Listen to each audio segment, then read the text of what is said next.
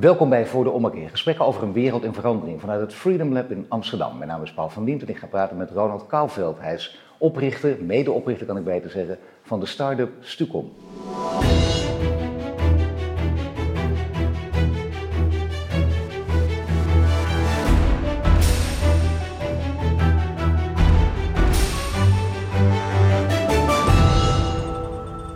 Welkom eh, Ronald. Dankjewel. Ja, de start-up Stucom. eh, sommige mensen die heb je echt nog steeds in Nederland. Die hebben niet van gehoord. Dat is eigenlijk onvoorstelbaar. Maar wat is het? Ik denk dat heel veel mensen niet van ons hebben gehoord Nee, eigenlijk. Eh, eh, wij, helpen, wij zijn eigenlijk de technologiepartner van de onderwijsinstelling. En dan vooral mbo, hbo en wo in Nederland. Ooit begonnen met eigenlijk een heel simpel idee in mijn studentenkamer voor eh, studenten helpen om eens goed geïnformeerd te raken over het rooster en de cijfers via een app. En dat is eigenlijk gegroeid in de afgelopen vier jaar naar een, ja, eigenlijk een personal assistant voor de student gedurende je zijn hard. studie. Nee, ik snap het. Dat is het idee. Maar laten we even Ja. bij het begin beginnen. Want je zegt die zolderkamer, dan denken Ja. mensen, ah, er komt dit dat verhaal. Maar dit is echt zo. Dit is echt zo. letterlijk op een Ja. zolderkamer begonnen. Ja, nou, mijn, mijn, mijn studentenkamertje was 2 bij 3. Er kon alleen maar een eenpersoonsbed in. En Ja, ja. daar, eh, nou ja, daar is het idee ontstaan eigenlijk. Ja. In zoverre dat ik, dat ik, ik woon in Utrecht en ik hoorde studenten nogal klagen over de informatievoorziening. En ik dacht, joh, is dat nou nog niet opgelost? Ja. Ik was zelf al afgestudeerd. En eh, dat was nog niet opgelost. En, eh, toen- Maar dat dacht ik dus ook. En denk ik, ja, dat Ja. is toch inmiddels heel lang geleden. Ja, dat snapten Ja. we toen wel. Dat werd er al geklaagd. Ja. Als het 30 jaar geleden werd geklaagd, dan heb ik het over mezelf. Ja, dan denk je, het is nu helemaal voorbij. ja. Nou ja, is van alle tijden. Maar, eh, Nee, maar goed, dat je om terecht al klagen omdat het gewoon niet goed is. Dan denk je, hoe kan het nou dat dat zo lang duurt? Waar, waar, waar gaat het dan mis? Ja, dat, dat dacht ik ook. En ik dacht, dit is Ja. zo'n simpel idee. Hoe kan niemand daar nog ingesprongen zijn? dat- Ja. Dus dat is ook wel interessant, want ik hoor van heel veel ondernemers dat ze expres niet in onderwijs stappen. Dus dat is wel, dat is wel apart. Dus eh, veel collega-ondernemers... wat is de reden daarvoor? Ja, veel collega-ondernemers zeggen gewoon, ja, de, eh, als je wil innoveren en als je snel ehm, eh, waarde wilt toevoegen, moet je Ja. geen zaken gaan doen met onderwijsinstellingen. Nee. En dat heeft te maken met ook eh, bijvoorbeeld aanbestedingen. Dat wat een aanbesteding doet als jij een, een start-up bent Ja. en je hebt een leuk idee, is dat je door procedures moet en verzekeringen moet hebben en allerlei Ja. aan, aan wetten en regelgeving moet houden die eigenlijk ook opgelegd zijn, die niet per se nodig zijn voor de innovatie. Daar kan je als start-up niet aan voldoen. Dus je moet een beetje geluk hebben dat je een concept hebt waar mensen in geloven en zeggen, nou, dat, dat, dat kunnen we wel misschien pilot of zo en dan laten, laten groeien. Maar zouden die instellingen zelf dan ook niet iets mogen doen aan hun eigen structuren en aan hun eigen opbouw en, en eh, organisatie? Ja, zeker. Ja, ik denk dat ehm, ehm, het verschilt dus. Hè. dus eh, bij universiteiten, die zijn, eh, ja, zijn hele oude instituten. Ja. Al, eh, zo oud als de kerk bijna. Ja. En eh, daar, daar, dit is de stru- Zo structuren. dogmatisch ook bijna. Ja, structuren en de, en de organisatie is heel erg ingericht in, eh, in, in lijstbehoud en in, in mensen op, opleiden voor, voor professional person in, in de wetenschap. Niks wat- mis mee zou je zeggen. Niets, niets mis mee, maar het, het is ook wel goed om te snappen dat je een grote maatschappelijke verantwoordelijkheid hebt. En dat een van die onderdelen is, is dat het, het helpen van ondernemers en je eigen organisatie innoveren en een beetje meegaan, of niet heel veel, Ja. maar een beetje meegaan met dat wat je klant nodig heeft, en dat is de student. Nou, dat is al helemaal moeilijk om te zeggen, student die klant is. Nee, ik zou wel zeggen, ik, ik snap wel als er kritiek is op de klant eh, dat, je, dat je je inhoud moet gaan aanpassen. Dat zou dodelijk zijn Mhm. natuurlijk. Je wil ook zuivere wetenschap kunnen bedrijven. Absoluut. Maar dit gaat om iets heel anders. Dit gaat om de student gewoon eh, ter wille te zijn. Ja, ja in, de kern, in de kern gaat het om studenttevredenheid op, op, op, in de meest basale vorm. Ja. Dus dat je gewoon je roosters en je cijfers kan raadplegen. En Ja. dan zitten daar nog wat. En het, maar dan wel op een manier dat je niet 15 systemen hoeft in te loggen. Nee. Dus gewoon een, even een Zeker. notificatie op je telefoon krijgt van joh, niet dit lokaal, maar dat lokaal. Ja. En daar, eh, daar zijn wij ingesprongen. Maar ik, was twee maanden geleden in Berlijn, bij de TU Berlin. Ja, en daar, daar is nog erger. Daar werkt men met een prikbord. En, dat is een technische universiteit. Dus dat was Ja, ik vind het nog wel gezellig, maar ik bereid dat dat kan niet meer. Dat is echt Nee, ook ja, dat, heeft heel erg te maken ook met, met, met, met eh hiërarchiestructuur in Duitsland. Dus de pro- dokter-professor die zegt, joh, ik ben er vandaag tot zo laat. Maar in Nederland zijn we wel verder gelukkig. Ja, nee, dat is waar. Nee, dat is inderdaad. eh, goh, maar in Berlijn ook nog. Ik schrik er wel een beetje van. ik schrok er ook van. Een hele moderne We hebben een foto gemaakt, ik zal hem laten Ja, doorsturen. ik geloof je, maar ik wil hem toch even zien. Ja, dat is heel grappig. Heel grappig. Maar nu denk je, wat is dan eh, de tegenhoudende partij op universiteiten? Als het echt nog over die universiteiten, de oude instituten gaat. Zijn dat Ja. de mensen in de bovenlaag, eh, mensen daaronder of de middenlaag? Ehm, Nou, mensen aan de bovenlaag, uh, die willen heel graag. Ik denk dat iedereen, iedereen wil. Ik denk dat, dat het net als bij een voetbalteam is, niemand gaat voetballen om slecht te spelen. Nee. Dus ik denk dat, dat, dat zie je wel. Ik denk dat er een bepaalde cultuur, dus het is een bedrijfscultuur eigenlijk, is ontstaan, waarbij innoveren niet voorop staat. Ja. En waarbij eigenlijk uh, veiligheid, geen risico's, ehm, hoge kwaliteit, even de vraag of dat wordt gehaald, maar dat is vaak, dat, die punten staan voorop. Ehm, dat zijn vaak ook de speerpunten waar een collegevoorzitter mee aan de slag gaat. Ja. En ehm, wij hebben het geluk met, met ons bedrijf dat wij eigenlijk niet in die kernprocessen zitten, maar daaromheen. Waardoor dat wij binnen vier jaar marktleider zijn kunnen, eh, hebben kunnen worden. Want als wij echt in het, in het onderwijs zouden zitten, ja, dat is, dat is, dat is pittig. pittig. Ik denk dat je dat heel, heel Maar toch, als je alleen met, laten we zeggen, de voorzitters van het college van bestuur te maken zou hebben, dat zijn toch vaak mensen die wel veranderingsgezind zijn, die wel iets meer risico durven nemen. Maar door wie worden ze, of door wat, door wel, waar, waar, waardoor worden ze afgeremd? Ik heb het idee dat het uh, uh, vaker wordt afgeremd op de middenlaag. Dus uh, de laag die ertussen zit. Ja. En die dan uiteindelijk het, uh, het samen met de, de, de, beheerders en de mensen daaronder moeten gaan uitvoeren. En soms is het ook heel complex hoor, want ik, ik kan je een beetje uh, wat, wat, details geven. De gemiddelde onderwijsinstelling in Nederland, MBO, HBO, WO praat ik dan over, uh, hebben wel 10 tot 20 verschillende systemen op de achterkant draaien, mm -hmm. die sommige al 20 jaar oud zijn. Ja. Dus die zijn sinds 2000 niet meer geüpdate. Nee. Moet je voorstellen. Ja, die wil het gewoon niet veranderen. Maar kun je een voorbeeldje geven? Wat, wat nou ja, je hebt, je hebt uh, roostersystemen, je hebt cijfersystemen, uh, uh, studentadministratiesystemen. En in al die systemen staat een stukje informatie. Ja. Rooster, cijfer, studievoortgang, ja. European credits. Ja. En de student moet overal apart inloggen. En die systemen op de achterkant hebben ook allemaal weer een eigen voorkant. Dus je ziet op een gegeven moment door de boom en bos echt niet meer. Maar die moeten wel allemaal beheerd worden, want er zitten contracten aan vast van soms al tien jaar. Of vijf jaar. Ja. Dus die moeten wel beheerd worden. Die, moet, die zijn ook echt belangrijk voor die organisatie. Ja, dus het belangrijkste voor die middenlaag is, is om dat überhaupt draaiende te houden. En daar hebben ze ook lang niet altijd alle middelen voor. Ja. Dus je moet het draaiende houden. Ja, ja dan komt er zo'n zo leuk uh, nieuw start-upje langs die iets wil. Hoe kunnen we dat nou faciliteren? En die het ook nog beter wil, maar dat willen ze niet eens weten. Want ze zitten toch vast ze in zitten daar, ze, ze, moeten dat draaiende houden. En wat soms ook echt moeilijk is, zo moet ik toegeven. Maar laat ik iets simpels zeggen. Ik ben uh, student economie en ik wil gewoon dus ik inloggen op economie. Dat kan dus ook al niet. Daar heb je, daar heb je dan bepaalde, een bepaalde taal voor, of bepaalde tekens voor. Of bepaalde... Nou ja, kijk hoe dat werkt is dat. Um, stel je voor, je, je, het, zijn grappige anekdotes. Ja. Uh, stel je voor, je hebt een, een, een roostermaker ja. die al twintig jaar hetzelfde, uh, hetzelfde vak uitvoert. Ja, die maakt een rooster en die is gewend om EL15 neer te zetten als, als cursuscode. Uh, maar een student die weet niet dat EL15 voor economie staat. Ja. Dus je krijgt een rooster als student gepresenteerd waar EL15 staat en dan nog een code en nog een code. Ja. En dan moet je maar uitzoeken ergens in een, in een syllabi dat dat dus economie is. Ja. En op een gegeven moment leren studenten gewoon die codes uit hun hoofd. Maar dat is dus wat er dan gebeurt. Omgekeerde wereld gewoon. Dat is ja, heel ja, gek. Dat is... Ja, dat is, maar dat zijn van die grappige dingen die nog gewoon nog steeds plaatsvinden. Is het overigens, want je zegt het is wel een complexe wereld. Je, kunt, je, je ziet waar het ligt bij die, ja. bij die mensen in de middenlaag, die er vaak ook heel lang zitten. Dus ook over het algemeen gesproken wat minder veranderingsgezind zijn. Maar aan de andere kant, ook al zouden ze willen, ze zijn toch met handen en voeten gebonden. Of zou iemand die een beetje rebels is daar wel uit los kunnen breken? Nou, ze, uh, laat ik vooropstellen, de meesten willen heel graag. En die willen studenten ja. helpen, en, ja. maar die hebben de middelen niet. Ja. Hoe het in de praktijk gaat, en waar wij eigenlijk ook deels voor worden ingehuurd tegenwoordig, is dat zo'n studenten-app uh, de voorkant is. Dus er wordt opeens heel zichtbaar wat er niet goed gaat in de organisatie. Dus wij krijgen letterlijk vragen van collegeleden die tegen ons zeggen, Ronald, ga maar features in die app implementeren waarvan je weet dat we dat nog niet kunnen bieden, zodat we zien wat we in beweging moeten zetten in de ja. organisatie. Nou, dat zijn de voordelen van transparantie, kun je ja. zeggen. Dat scheelt ja. Dus ik, een klein voorbeeld. Uh, het uh, aanwezigheid registreren bij een hoorcollege. Dus ben je er of niet? Uh, dat kan, kunnen wij gewoon digitaal doen via een beacon. En dan zie je gewoon, je bent er. Net als bij een evenement. Gaat nog met een lijst, met afvinken. Dat scheelt 10 tot 20 minuten zuivere lestijd. Nou, om dat in beweging te krijgen, moeten ze dan eerst laten zien dat het kan.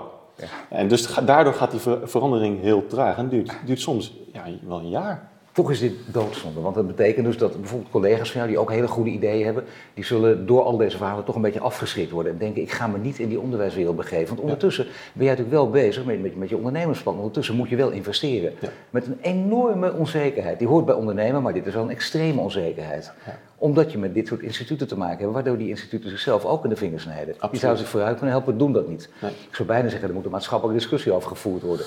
Ja, dat, Nee, het ja. klinkt, het klinkt Het- bijna het- over de- als een soort grap of zo, maar echt serieus. Ik, ik, ik, snap wat je bedoelt. Ja, dat, dat, dat zou. Kijk, je zou eigenlijk willen dat de innovatie die onderwijsinstellingen eh teweeg brengen, maatschappelijk gezien, want dat gebeurt daadwerkelijk wel. De Universiteit eh, TU Delft, eh, Radboud worden echt mooie dingen ontwikkeld. Maar dat zijn altijd, bijna altijd ontwikkelingen in innovaties die niet te maken hebben met het onderwijs. Ja. Dus die met de, met, de, met de maatschappij daarbuiten te maken hebben. En eigenlijk zou je willen dat, dat, dat er het onderwijssysteem, al is het maar de, het, het faciliterende rondom het onderwijs, zo geautomatiseerd mogelijk Ja. eh, wordt georganiseerd. Bijvoorbeeld een klantenservice, een studentenservice op een faculteit. Ja. Dat kan je voor een groot gedeelte gewoon automatiseren. Eh, Dat hoeft niet, er hoeft niet meer per faculteit twee mensen daar te staan en dan 15 faculteiten per hogeschool. Ja. Dat kan je gewoon automatiseren. Maar dan krijg je dus weer dat mensen in een oude reflex schieten en denken van, oh wacht, mijn baan raak ik kwijt. Heel Ja. begrijpelijk, Ja. maar die denken niet van, je kunt leuk omgeschoold worden, je kunt iets veel leukers gaan doen. Dat, is, dat is toch Dat wat is het angst. tegenhoudt. Dus je moet, dat moet het perspectief denk ik schetsen voor mensen. En je moet niet zomaar gaan veranderen zonder mensen daarin mee te nemen. Ik denk dat dat heel belangrijk is. En ook zeggen dat ze in ieder geval baanzekerheid houden. Absoluut. En dat kan ook is gewoon. belangrijk. Dat kan, dat, kan ook, dat kan ook zeker gewoon. Dus je kan het, je kan het heel goed inrichten. Maar als je dit goed doet, betekent het dat je echt letterlijk, eh, om het in voetbaltermen te zeggen, zuivere speeltijd overhoudt eh, om, Ja. college te geven. Tegelijkertijd eh, help je ook je studenten vooruit. Ja. Dus over dat plan zullen bijna alle spelers het eens zijn. Het gaat uiteindelijk toch om de, om de communicatie en om de angst aan beide kanten weg te nemen. Ja, zeker. zeker. Kijk, ehm, waar zitten de grootste frustraties van mensen? Eh, zitten bij een tram die te laat komt. Eh, niet te laat worden geïnformeerd over belangrijke zaken. Over- En dat is nog allemaal los van de kwaliteit. Ja. Dus al die kleine irritaties en die kleine dingen die plaatsvinden, dat maakt het voor mensen zwaar. Ja. En voor studenten niet anders. En eh, als we dat nou op, kunnen, heel ver kunnen oplossen met elkaar, Ja. Dan kunnen we focussen op de echte problemen. Ja. En, die- en, nou, mijn, mijn oude leermeester Ruud Hendricks die zei altijd, je kan niet creatief zijn als je administratief niet op orde bent. Ja. Dat geldt voor een ondernemer, maar eigenlijk geldt het ook voor iedere organisatie. Ja. Als jij je administratief niet de zaken op orde hebt, dan kan je ook nooit aan het creatieve proces beginnen. Nee, er is gewoon enorme chaos dan, dat is ook vervelend. Eh, Bovendien, eh, ja, je, weet ook, je bent er ook steeds met je hoofd deels mee bezig natuurlijk. En je weet nooit welke beslissing je kunt nemen, dat is ook een belangrijke denk Ja. ik. En waarom nog meer? Waarom moet je administratief echt goed op orde zijn? Nou, omdat ehm, één denk ik dat je enorme efficiency, eh, of tenminste een, een stap gaat maken naar efficiency als het gaat om studenttevredenheid en informatievoorziening. Organisaties worden ook beter ingericht. Dus je hebt misschien minder mensen nodig, wat je net al zei, je kan het op een andere manier efficiënt inrichten. En ik denk dat dan alle energie die nu gaat in dat stuk, kan gaan in het daadwerkelijke product, en dat is onderwijs. En ik ben geen onderwijskundige, maar ik weet wel uit ervaring, omdat ik MBO, HBO en WO heb gedaan, dat daar nog best wel veel aan gedaan kan worden. Ja. En dat we daar, eh, Ja. eh, dat we daar best, nou dat weet je ook, kunnen we echt wel stappen in zetten. Tuurlijk, maar jij ziet ook dat er verschillen zijn. Want de universiteit, je vergelijkt niet voor niks met een kerk. Eeuwenoude instituten, die zijn ook moeizaam in beweging te krijgen. Eh, gaat het makkelijker op het HBO en op het MBO? Voor ons is het ehm, makkelijker om met een MBO en een HBO eh, te schakelen. Ehm, de MBO's eh, eh, helemaal, want die zijn veel nieuwer qua organisatie. Dus de structuur zit ook wat anders, is vaak wat platter Ja. in plaats van eh, bij universiteiten. Dus daar kun je veel makkelijker bij de, de beslisser komen. Ja. En als ik, ons, als ik ons concept uitleg van het bedrijf, wat wij doen met het product, dat iedereen snapt dat. Maar hoe leg je het uit? Ik Je hebt het hier al verteld, hè? maar Ja. dat, dat is wel aardig om te weten. Stel, je komt nu, ik ben een directeur van een MBO-instelling. Ja. En ik denk, Ronald Kouwveld komt binnen. Nou, Ja. hele goede dingen over je gelezen en gehoord. Ik ben benieuwd. Dus de lat ligt al hoog bij mij. En jij weet ongeveer wat, wat een gemiddelde MBO-directeur, wat hij ongeveer wil. Wat zeg je dan nu aan tafel tegen de MBO-directeur? Nou, ik leg als eerste uit eh, wat de uitdaging is met de student op dit moment. De huidige generatie studenten die afgelopen zomer is begonnen, is de eerste generatie in Nederland die volledig digitaal is opgegroeid. Ja, dus dat, is de mooi. eerste generatie die nog nooit betaald voor, heeft voor een krant. Die alleen maar op Instagram snelle filmpjes ziet. Die helemaal geen e-mail gebruikt. Dus hoe ga je die bereiken? Ja, ja. En hoe, hoe ga je daarmee aan de slag? Ja. En de generatie die daarna komt en daarna komt, is alleen maar erger. Ja. Dus daar wil je een bepaalde uh, binding mee creëren. Nou, en dan, kijk, het is redelijk makkelijk lullen op dit moment, omdat ik veel cijfers kan noemen. Ja. Ik kan zeggen van, joh, onze app wordt gemiddeld vijf keer per dag gebruikt. Uh, we staan altijd in de top 10 van meest gebruikte apps van de studenten. Dus je kan wel laten zien, zo'n pitch is redelijk snel te maken. We, we, hebben al twintig andere mbo's die meedoen. Dus er zitten 600.000 studenten op. Dus je kan mooie dingen laten zien. Uh, dat spreekt aan.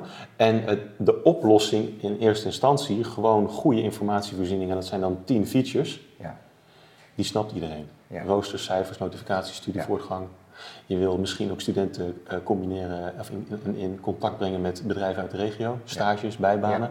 Nou, als je dat nou goed kan aanbieden via een app, ja, nou ja, het enige bezwaar wat ik dan nog steeds zie, en dat uh, zie jij waarschijnlijk ook, is de andere generatie die aan de andere kant staat. De oudere, de hele oude generatie, die dat juist niet gewend is. En die denkt, ja wacht even, die gastjes van 16 begrijpen het wel, maar ik begrijp er zelf niks van. En, en dat kan niet, want nee. ze willen ook niet steeds voor jou staan. Nee, nou, en, en uh, waarom werken zoveel scholen met ons samen? Is waarom zijn wij een techpartner en niet zozeer een leverancier van een app? Het verschil zit hem in is dat wij heel veel verstand hebben van de technologie. Dus wij zijn gewoon een groep met 30 nerds. Ja. Ja. Uh, we kennen de student heel goed. Die lopen stage bij ons. Heel veel studentengroepen. En die onderwijsdirecteur, die snapt zijn eigen organisatie. Nou, en binnen die driehoek doen wij dan zaken. Maar wij snappen die onderwijsorganisatie voor een deel. Ik ben niet heel goed in de politiek, dus daar ben ik, ben te veel ondernemer voor. Maar die andere twee componenten kunnen we wel. En dus dan is het een samenwerking. En uh, nou, het mooiste voorbeeld is nu dan met uh, bedrijven uit de regio, wat we dan doen ja, waarom uh, vinden bedrijven uit de regio uh, de ROC's en de, de, universiteiten niet? En die studenten die zoeken wel allemaal een bijbaan. En het liefst niet per se New York pizza, maar misschien een goed coole start-up. Nou, dan zie je echt dat het, dat het helemaal in beweging komt. Ja, dat zijn leuke dingen. Nou, als jij uh, over je ondernemer gaat praten, heb je al iets gezegd, bijvoorbeeld dat je begonnen bent inderdaad in die, in die zolderkamer, letterlijk, maar dat je nu zit in een monumentaal pand. Want je zit met 30 nerds, hè? die moeten ergens neergezet worden, dan liefst in een monumentaal pand. Daar houden ze toch wel van ook, hè? Ja. Ja, ja goed, je kan ook zeggen, wij gaan in een schuur op een weiland zitten. We zijn toch gefocust, zo met maakt het uit. Zonder van het geld een mooi pand. Maar dat is toch belangrijk, de sfeer speelt dus toch een rol. Sfeer, bedrijfscultuur. Uh, vind ik heel erg belangrijk, bedrijfscultuur. Dus uh, kijk, wat is, wat is een bedrijf? Een bedrijf is een groep mensen die, die, een verschil probeert te maken. Ja. En uh, nou, wij hebben het geluk dat, gehad dat via, via mijn netwerk inderdaad een monumentaal pand in Hartje Utrecht in kon gaan. Een hele grote zolder van 450 vierkante meter. Goed netwerk. Ja. Dat, ja, dat is heel belangrijk. Ja, ja, ja anders, anders wordt het lastig. En daar, daar zitten we nu met z'n allen, dus we doen ook alles zelf. Dus we hebben alles binnen huis. Het is één grote open ruimte. Ja. Dus iedereen kan ook naar elkaar toe lopen. Ja, en, en, en uh, uh, daarin worden we ook ondersteund door uh, een, een, groep mensen om ons heen. Als je het hebt over netwerk. Nou, ik noemde net Ruud al. Een goede, goede vriend. Maar ook Ruud Hendricks, Ruud Hendricks, ja. van zeker. dat is een brede media-ondernemer van alles gedaan natuurlijk. Hè? Ja, van alles gedaan. En van de mede-oprichters van, van ETL Veronique natuurlijk. Ja. medebestuurder bij Endemol. En, en nu gewoon de start-up koning van Nederland. Ja, dat denk ik. Ja, ja. zeker. Ik weet niet. Ik denk dat hij die titel zelf ook al mooi vindt. Maar het is wel een, het is, ja, het is een hele. Uh, voor mij en uh, uh, persoonlijk ook echt een goede mentor geweest. Je moet je voorstellen, dit is mijn eerste bedrijf wat zo groot is geworden. En er komt nogal wat op je af. We zijn met z'n tweeën begonnen. Ja. En opeens ben je marktleider en je moet van start-up naar serieus bedrijf. Ja. Alle fases waar je doorheen nou ja, gaat. Misschien aardig om te zeggen, want daar heb je dus die coaching bij nodig. En dan vooral grote mensen in de markt. Maar Ruud Hendricks is er één van. Door wie word je nog meer gesteund of geholpen? Roland Kaan, groot ondernemer. Niet, ja, precies. Niet zozeer dat hij veel verstand heeft van onze markt, maar wel ontzettend van ondernemen. Dat is natuurlijk gewoon, uh, ja, ja, gewoon echt, echt een, een, een ondernemer. Die kan je van alles over de valkuilen vertellen. Absoluut, ja, ja. Maar laten we deze twee even, dat zijn twee grote spelers. Wat vertellen die je? Wat, wat, wat leren die je om een, wat, zeggen ze? Hoe neem je een volgende stap? Nou, het, uh, uh, wat heel belangrijk is, is voor mij, is dat ik, je moet die mensen dus heel serieus nemen. Dus ik moet daar voorbereid aan tafel komen zitten. Dus ik moet al weten wat ik van ze wil weten. Anders gaat het niet werken. En ze, ze, kunnen wel gewoon een verhaal beginnen, maar dat werkt niet. Dus uh, bijvoorbeeld met Ruud, nou, ik ga vanavond met hem eten. En dan een van de vragen is hoe je je bedrijfscultuur sterk kan houden als je bedrijf groeit van 2 naar 30 ja. en straks naar 60. En hoe hou je die bedrijfscultuur?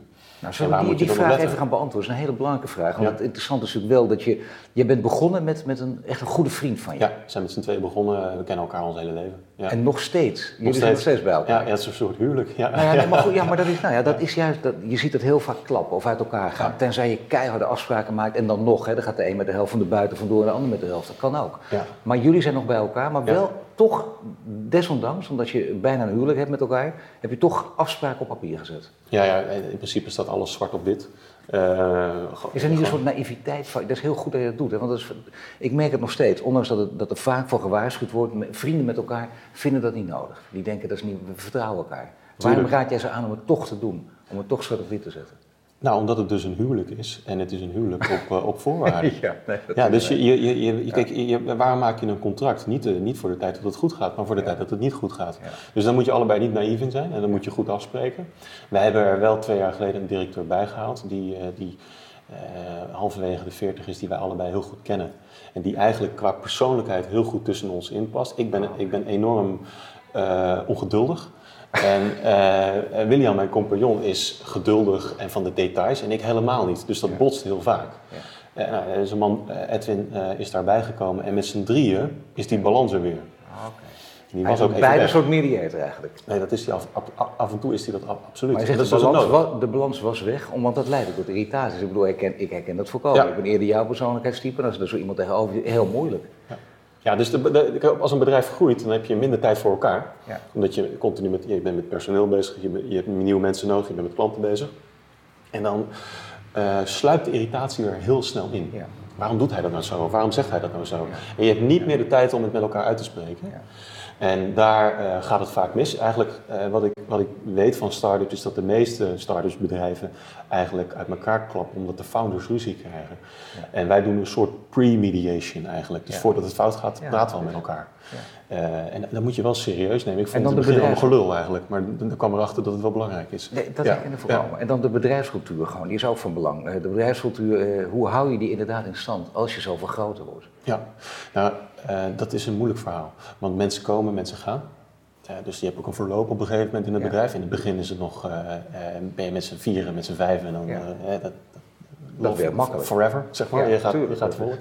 En op een gegeven moment moet je daar toch bepaalde processen en afspraken in maken. Ik vind proces een verschrikkelijk woord, maar dit is, dit is nodig. Dus wat we nu hebben gezegd is, ja, we zijn nu op een punt aangekomen dat we HR-dame hebben aangenomen die daar een bepaalde verantwoordelijkheid in nemen. En wat is, wat is onze cultuur? Ik kan ik misschien het beste omschrijven door een stukommer te, te omschrijven. Ja. Uh, dat zit, zit, bij ons op mentaliteit. Dat is iemand die uh, heel erg positief in het leven staat, want het, het gaat altijd mis. Ja, er gaat zeker. altijd iets mis. En hoe ga je daarmee om? Ik, ik, kan, ik, kan, ik ben zelf een rasoptimist, dus ik kan heel moeilijk omgaan met mensen die er negatief in staan. Uh, klantgericht, dat klinkt voor, vanzelfsprekend, maar dat heeft ook te maken met loyaliteit naar de interne klant en naar je team.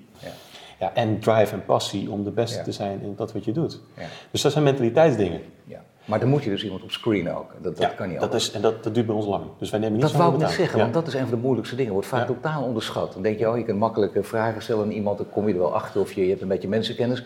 Je moet het vaak doen, maar hoe pak je dat aan? Hoe pak je het letterlijk aan? Nou, een goed voorbeeld. Wij zijn nu op zoek naar een, uh, een uh, operational director. Dus iemand die ons een groot gedeelte van de operatie gaat doen. Ja. Dan heeft hij een gesprek met, iedere, met, met de drie directeuren. Dus met Edwin, en met mij. met een coach, dus of met Ruud of met een andere coach. Dan vraag ik aan een van mijn mentoren, wil je ook eens even met die man praten? Ja. en we doen een persoonlijkheidstest. Ja. En dat bij een elkaar... assessment of doe je wat anders? Nee, dat is echt een assessment. En dan, uh, dat is een Facet 5 test. En daar komt een, een bepaalde persoonlijkheid uh, uit. Ja. En wat, wat ik daar heel interessant in vind, is om te zien op welke knoppen moet je drukken bij iemand om te motiveren. Dat komt daar heel goed naar boven. En, en waar ligt de irritatie van mensen. Waar kunnen ze echt niet tegen? Ja. En dan snap je een beetje, is, als je uh, gaat samenwerken, wat je wel en niet moet zeggen. Ja.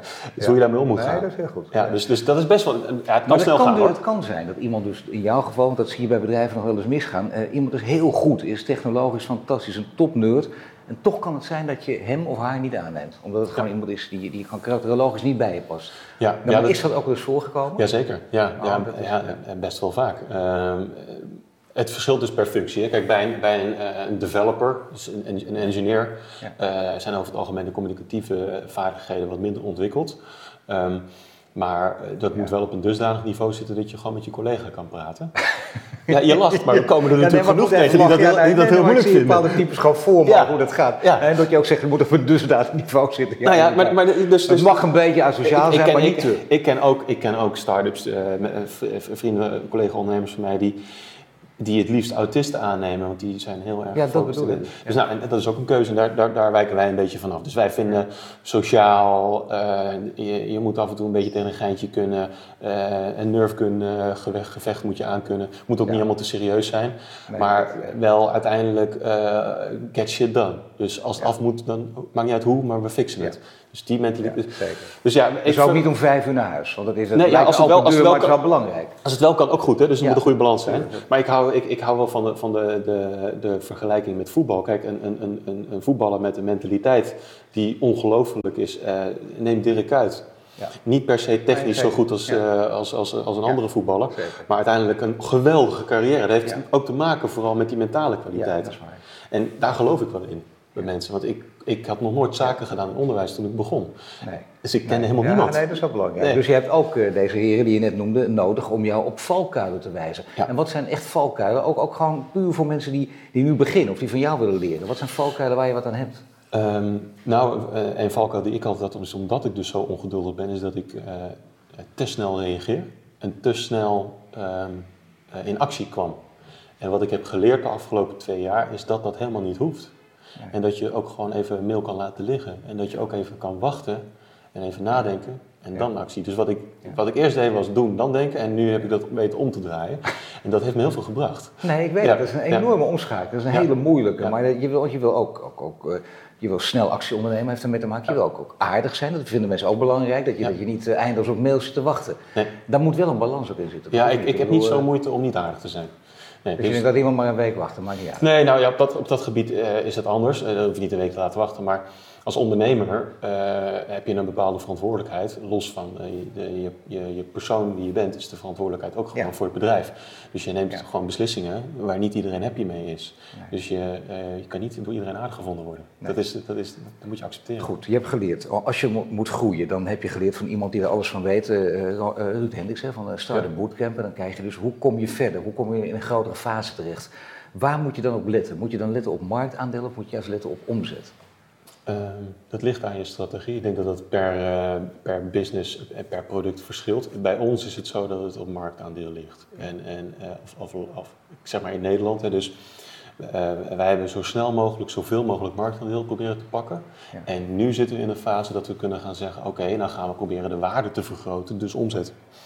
Ehm, dat is voor Nederland. En, en, en in het buitenland moeten we, zijn wij zijn nog heel klein, zijn we net begonnen. Daar willen we nog marktaandeel gaan pakken. Maar de, Ja. de, de strategie voor het, voor het volgend jaar eh, ligt nog echt om King of the Netherlands te zijn. Kijk, Ja. nou ja, dat is in ieder geval een mooie strategie ook. Ja. En, en dan nog bescheiden, want dat kan niet anders binnen Nederland. Maar de volgende is dan echt Europa en de hele wereld veroveren. Ja, bedoel, je wilt toch ver vooruit gaan kijken. Ja, absoluut. Kijk, en- en we zitten in een redelijk trage markt. Ondanks dat er afgelopen jaar eh, het hoogste eh, bedrag ooit geïnvesteerd is in educatietech. Dus 9 9,5 biljoen wereldwijd. Oh. Waarvan het meeste in, in Azië. Ja. Er zitten natuurlijk eh, 600 miljoen studenten daar. Dat is een groot verschil met, eh, met Europa. In Nederland ligt het op een paar honderd miljoen. Hè? Dus het, het investment wat in technologie gaat van ondernemers voor educatie is heel erg laag. Het is een, een druppel op een Ja, plaat. oké. En Daar is dus nog heel veel te winnen. Dat betekent, jij gaat je niet op andere sectoren richten, je blijft juist... Ja, we blijven hierop focussen. Hier, hier kunnen wij nog heel veel toegevoegde Ja, waarde bieden. Hoewel dit, dit model, is, is dit eh, zomaar toepasbaar in de... Nou, zomaar misschien niet, maar bijna zomaar toepasbaar in de zorg of andere sectoren?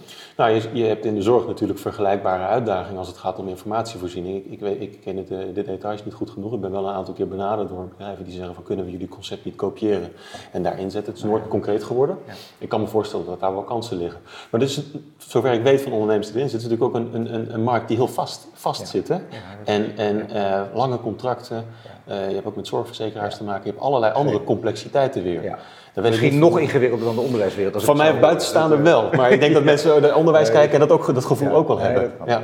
Maar dan gaat het ook over de buitenlandse eh, inzet en buitenlandse investeringen. Praten jullie ook met grote buitenlandse partijen of zijn ze bij jullie zelfs betrokken?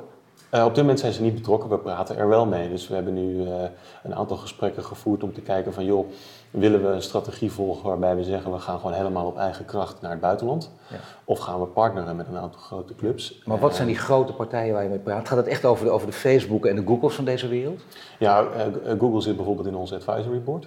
Ah, ja, kijk dan. Ja, dus dus die, eh, eh, daar praten we mee. En, en dat, dat is wel een, dat is een heel ander kaliber hoor. Dat, Dus daar, daar zijn we wel mee in gesprek. Is, het is nog wel ver weg, dus dat zie ik niet snel concreet Maar toch, ze zitten wel in jullie advisory board. Ja. Ik bedoel, wat, wat heb je aan ze? Nou, eh, de, persoon die in het advisory board zit is een Nederlander. Die, die, zit, woont wel in, eh, in Silicon Valley eh, en is daar head of product. Dus een behoorlijk hoge functie bij Google. Ja. En ja, dat gaat over netwerk en kansen. En je moet je voorstellen dat die zitten over de hele wereld overal. En die kennen eigenlijk Ja. altijd via via wel iedereen. Ja. Dus als ik in Londen eh, ben, en dan vraag ik aan hem, joh, kan je mij helpen? En voor je het weet heb ik een afspraak met eh, de minister van Educatie. Ja. Ja. Dat is toch handig? Dat- maar dat is het dat niveau. was- dat is- dat is Daar kom ik natuurlijk grote nooit Ja. binnen eh, Nee. als, als 31-jarige Ja. puppy. Dus daar ga je natuurlijk nooit, Nee, daar kom je natuurlijk nooit binnen. Dus dat, eh, dat, dat, dat, dat helpt enorm. En ja, wat de toekomst brengt. eh, kijk, in, in principe kijken zij ook mee en helpen zij ons ook mee bij bepaalde technologische keuzes. Dus als wij kennis van hun engineers vragen, wordt dat ook gevraagd. En daardoor hebben wij op productniveau kwalitatief een bizar hoge standaard neergezet. Ja. Goed, maar dit is eh, Google, dan Facebook. Eh, letterlijk ook iemand van Facebook Nee. die bij jullie Nee. betrokken is, waar je mee gaat. Heb je die, zou je die ook eh, wi- willen, willen spreken of, of contact mee willen hebben? Ja, natuurlijk altijd interessant. Ik bedoel, wat dat betreft, maar ik zie niet per se een link met onze company zo snel.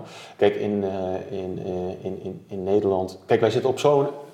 Laat ik, het, laat, ik het, laat ik het zo zeggen. Kijk, wij, wij zijn nu een initiatief aan het lanceren. Ik, ik, ik tipte het net al even. Dat is, eh, wij noemen dat de talent feature. Waarbij we studenten laten zien welke bedrijven in hun geïnteresseerd zijn om met ze samen te werken in plaats van andersom.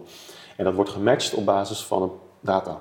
Ja. Dus we vragen die student, hey, zoek je een baan of zoek Ja. je een bijbaan? Dit zijn de bedrijven. En dan niet alleen de, de van deze wereld, er is meer. Ja. Eh, en ook eh, zorg, maar ook eh, mensen die een studie doen die niet zo makkelijk tot een baan komen, Ja. kunnen misschien heel goed een projectmanager zijn. Ja. Dat is enorm veel data. En enorm eh, eh, interessante informatie komt daaruit. Ja. En we zijn nu aan het kijken van, hey, nou, we praten met, eh, met, met, met de grote uitzenders in deze wereld die ook graag hun content willen aanbieden. Dus dat ligt echt op de verdieping En welke in uitzenders Nederland. zijn dat? Kan ik nog niet zeggen. Nou, Ja, kom op bij. Ja, ik- Leuk open gesprek. En Ja, ik snap het eh, Ja, wat is dit nou? Ja, dat is, dat is nog te vroeg. Dat is nog te vroeg. En misschien Oh. begin volgend jaar dat ik de naam kan noemen. Maar eh, wat het mooie daarvan is, is dat de onderwijsstellingen, dus de universiteiten, die hebben dus, eh, gaan dus samen met ons naar die bedrijven toe. En dan zo, ja, dan krijg je hele interessante dingen. Want eh, ehm, eh, die onderwijsstellingen zijn ontzettend aan het stoeien met hun career service en alumnibeleid. Hoe doen we leven lang leren? Hoe- Het is een mooie term die we altijd leven lang ontwikkelen noemen Leven lang het. Wat ik een ontwikkelen. veel beter woord trouwens. Denk ik wel, maar op het moment dat jij van de universiteit afgaat, hoor je nooit niets van. Ik, ben, eh, ik heb aan de VU gestudeerd. Ik krijg af en toe eens een mailtje eh, over een mailtje wat gaat komen. En dat is het dan. Ja, nee, dat is... Eh, dus dus, dus, dus verder weet je niet echt precies wat er gaat gebeuren als alumni. Dus daar zijn, wij, daar zijn hele mooie ontwikkelingen gaande. Maar dat zouden universiteiten kunnen doen naar Amerikaans voorbeeld vooral. Hè? Dat denk ik wel. Ik denk dat Amerikaanse universiteiten daar echt, die zijn er echt heel goed in. Ook omdat Ja. er een commerciële drive achter zit. Hè. Dus ze hebben die funding nodig van die alum, al- alumni om vervolgens weer hun universiteiten verder te brengen. Ja, dat is waar. En je zou hopen dat het nog mooier is, dat het helemaal intrinsiek is. Maar eh, aan de andere kant, het is ook wel heel mooi dat je het op die manier gewoon eh, tot stand weet te brengen. Zou dat een voorbeeld voor Nederland zijn om dat te doen? Ik denk dat wij daar veel te Calvinistisch voor zijn. Ik denk dat dat helemaal niet kan in Nederland. Ik denk dat eh, het kan voor een stukje, maar het model is heel anders. Hè. Dus, dus onze universiteiten en hogescholen die worden gewoon gefund vanuit de government. En, eh, Nou, maar toch in Wageningen, die, doen, eh, die zijn ooit begonnen met alumni, die werden uitgelachen, want in Amerika gaat het om veel grotere aantallen. Natuurlijk Ja, zijn de toenmalige bestuursvoorzitter, Ja. maar het is ze gelukt en toch. En hebben ze nou voor Nederlandse begrippen toch behoorlijk het geld binnen weten Maar het is, een, van de weinigen. En in Rotterdam. Maar je hebt gelijk, het zijn er Ja, niet veel. E- Erasmus en, en de Business School van Erasmus doet dat goed. Ehm, maar kijk, Wageningen is een van de weinige universiteiten in Nederland die eh, de grootste mix heeft volgens mij van buitenlandse studenten. Dijkhuis is er ooit toen mee begonnen. Ja. Heel veel Chinezen ook daar naartoe halen, echt een, een, een- een band hebben. Dus met die hebben daar en, en doen ook veel researchprojecten voor, eh, voor, voor buitenlandse bedrijven. Dus daar zit, dat klopt, dat, Wageningen is een van de weinigen die dat goed voor elkaar heeft. Ik denk dat bij veel andere universiteiten ze toch eh, naar de minister kijken. Ja.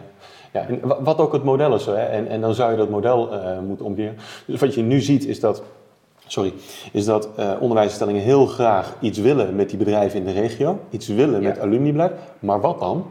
Nou, dus wij, zijn nu met, met, wij hebben nu een strategie ontwikkeld samen met de universiteiten om daar een eerste stap in te zetten. En eigenlijk is die eerste stap heel simpel. Help studenten aan een baan. Ja. En, en, we leiden ze toch op om goed te werken bij die bedrijven. Nou, laten we dan met die bedrijven gaan praten. En hoe doen we dat? Uh, en zetten we dan uiteindelijk, passen we het onderwijs daar misschien op aan of misschien niet. Maar ik begrijp je de huiveligheid. faciliteren wel. Ja, nee, dat snap ik. Dit lijkt me zeker belangrijk. Dat blijft bijstaan dat een universiteit ook vrij uh, denken leert, een, bepaald, uh, bepaalde manier van denken aanleert. En ook zuiver wetenschappelijk onderzoek verricht en zuiver uh, onderzoeken zo oprichten. Die, wat voor baan ze krijgen, doet er niet toe.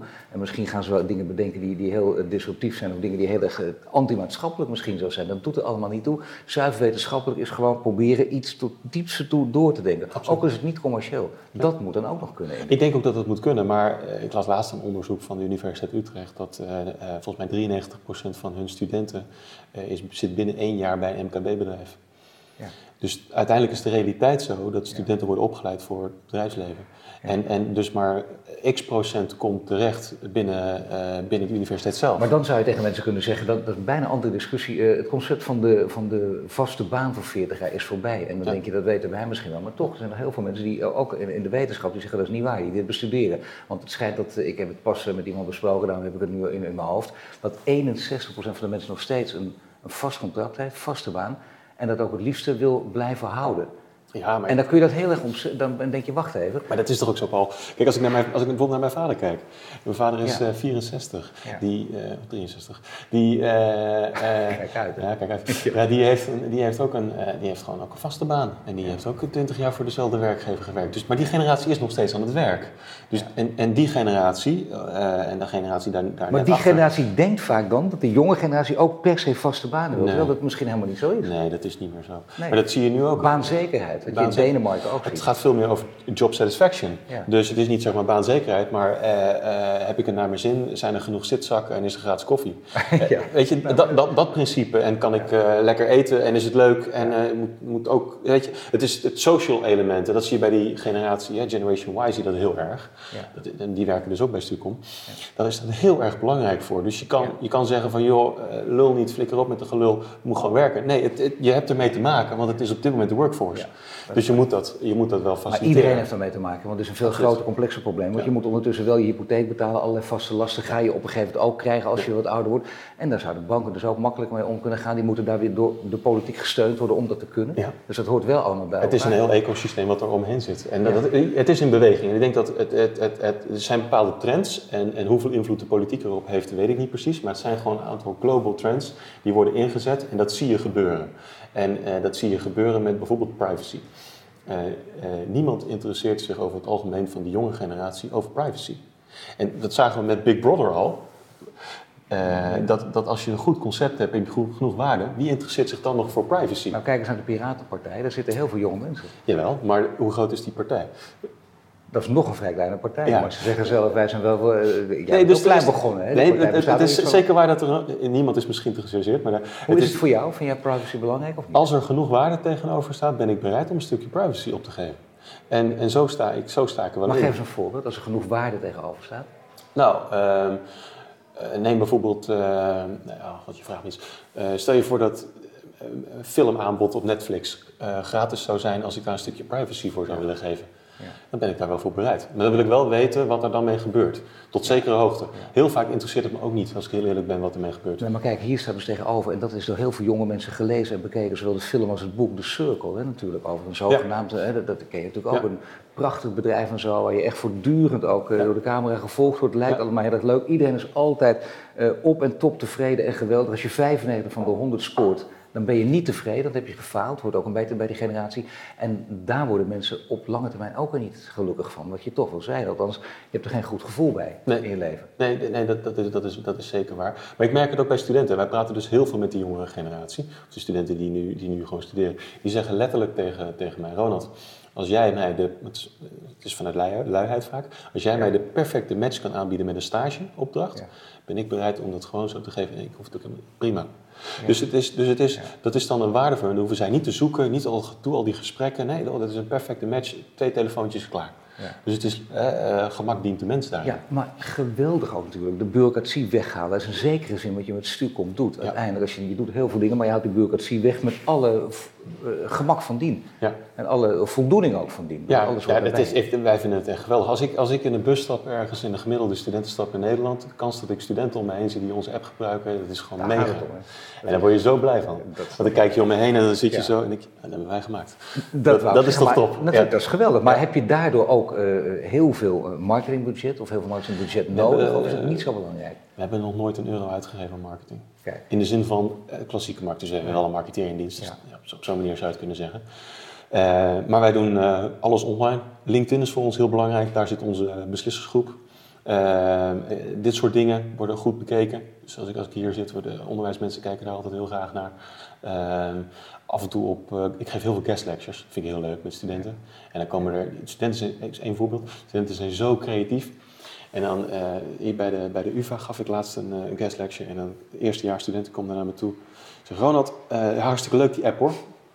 Maar eh, zou je niet eh, mijn alarmklok, mijn wekker in de telefoon kunnen connecten met het rooster? Dat als die docent ziek is, dat, rooster, dat mijn wekker automatisch een uur later afgaat. Geweldig idee. Ja, dus dat soort concepten komen er naar voren. En dat vind ik hartstikke Ja. leuk om te doen. En dat, Dit dat is eigenlijk nou, maar marketing. even, dit is fantastisch, maar dit kan ook of niet? denk Ja, dat kan ook. We hebben, we hebben, hem, we hebben hem getoetst. We hebben hem niet live gezet nog. Want de, of de, de, de- onze betalende klant, dus de onderwijstroom, vond het wat minder. Maar wij vinden dat soort dingen geniaal. Ja, ja. Nou ja, en dan nog even wachten natuurlijk op de namen van die, eh, van die grote uitzenders. Ja, we gaan grote uitzenders kennen we eigenlijk ook alweer? ga, je, ga je? Ja, nee. Dat gaan we gewoon niet doen. Ik Ja. wens jou heel veel succes. Ik hoop dat we nog een keer praten hier. Want Ja, lijkt me van alles leuk. gebeuren. Ja. Dit bedrijf is aan het groeien. Ik denk dat, dat, wordt heel groot. Een hele grote speler, wereldwijd. Ik, ik hoop Over het wel. Ja, ja, die ambitie En hebben dan we wil je weer met mij praten. Zo, Zeker Ja, kom op, ik heb er geen tijd voor. Je bent altijd welkom.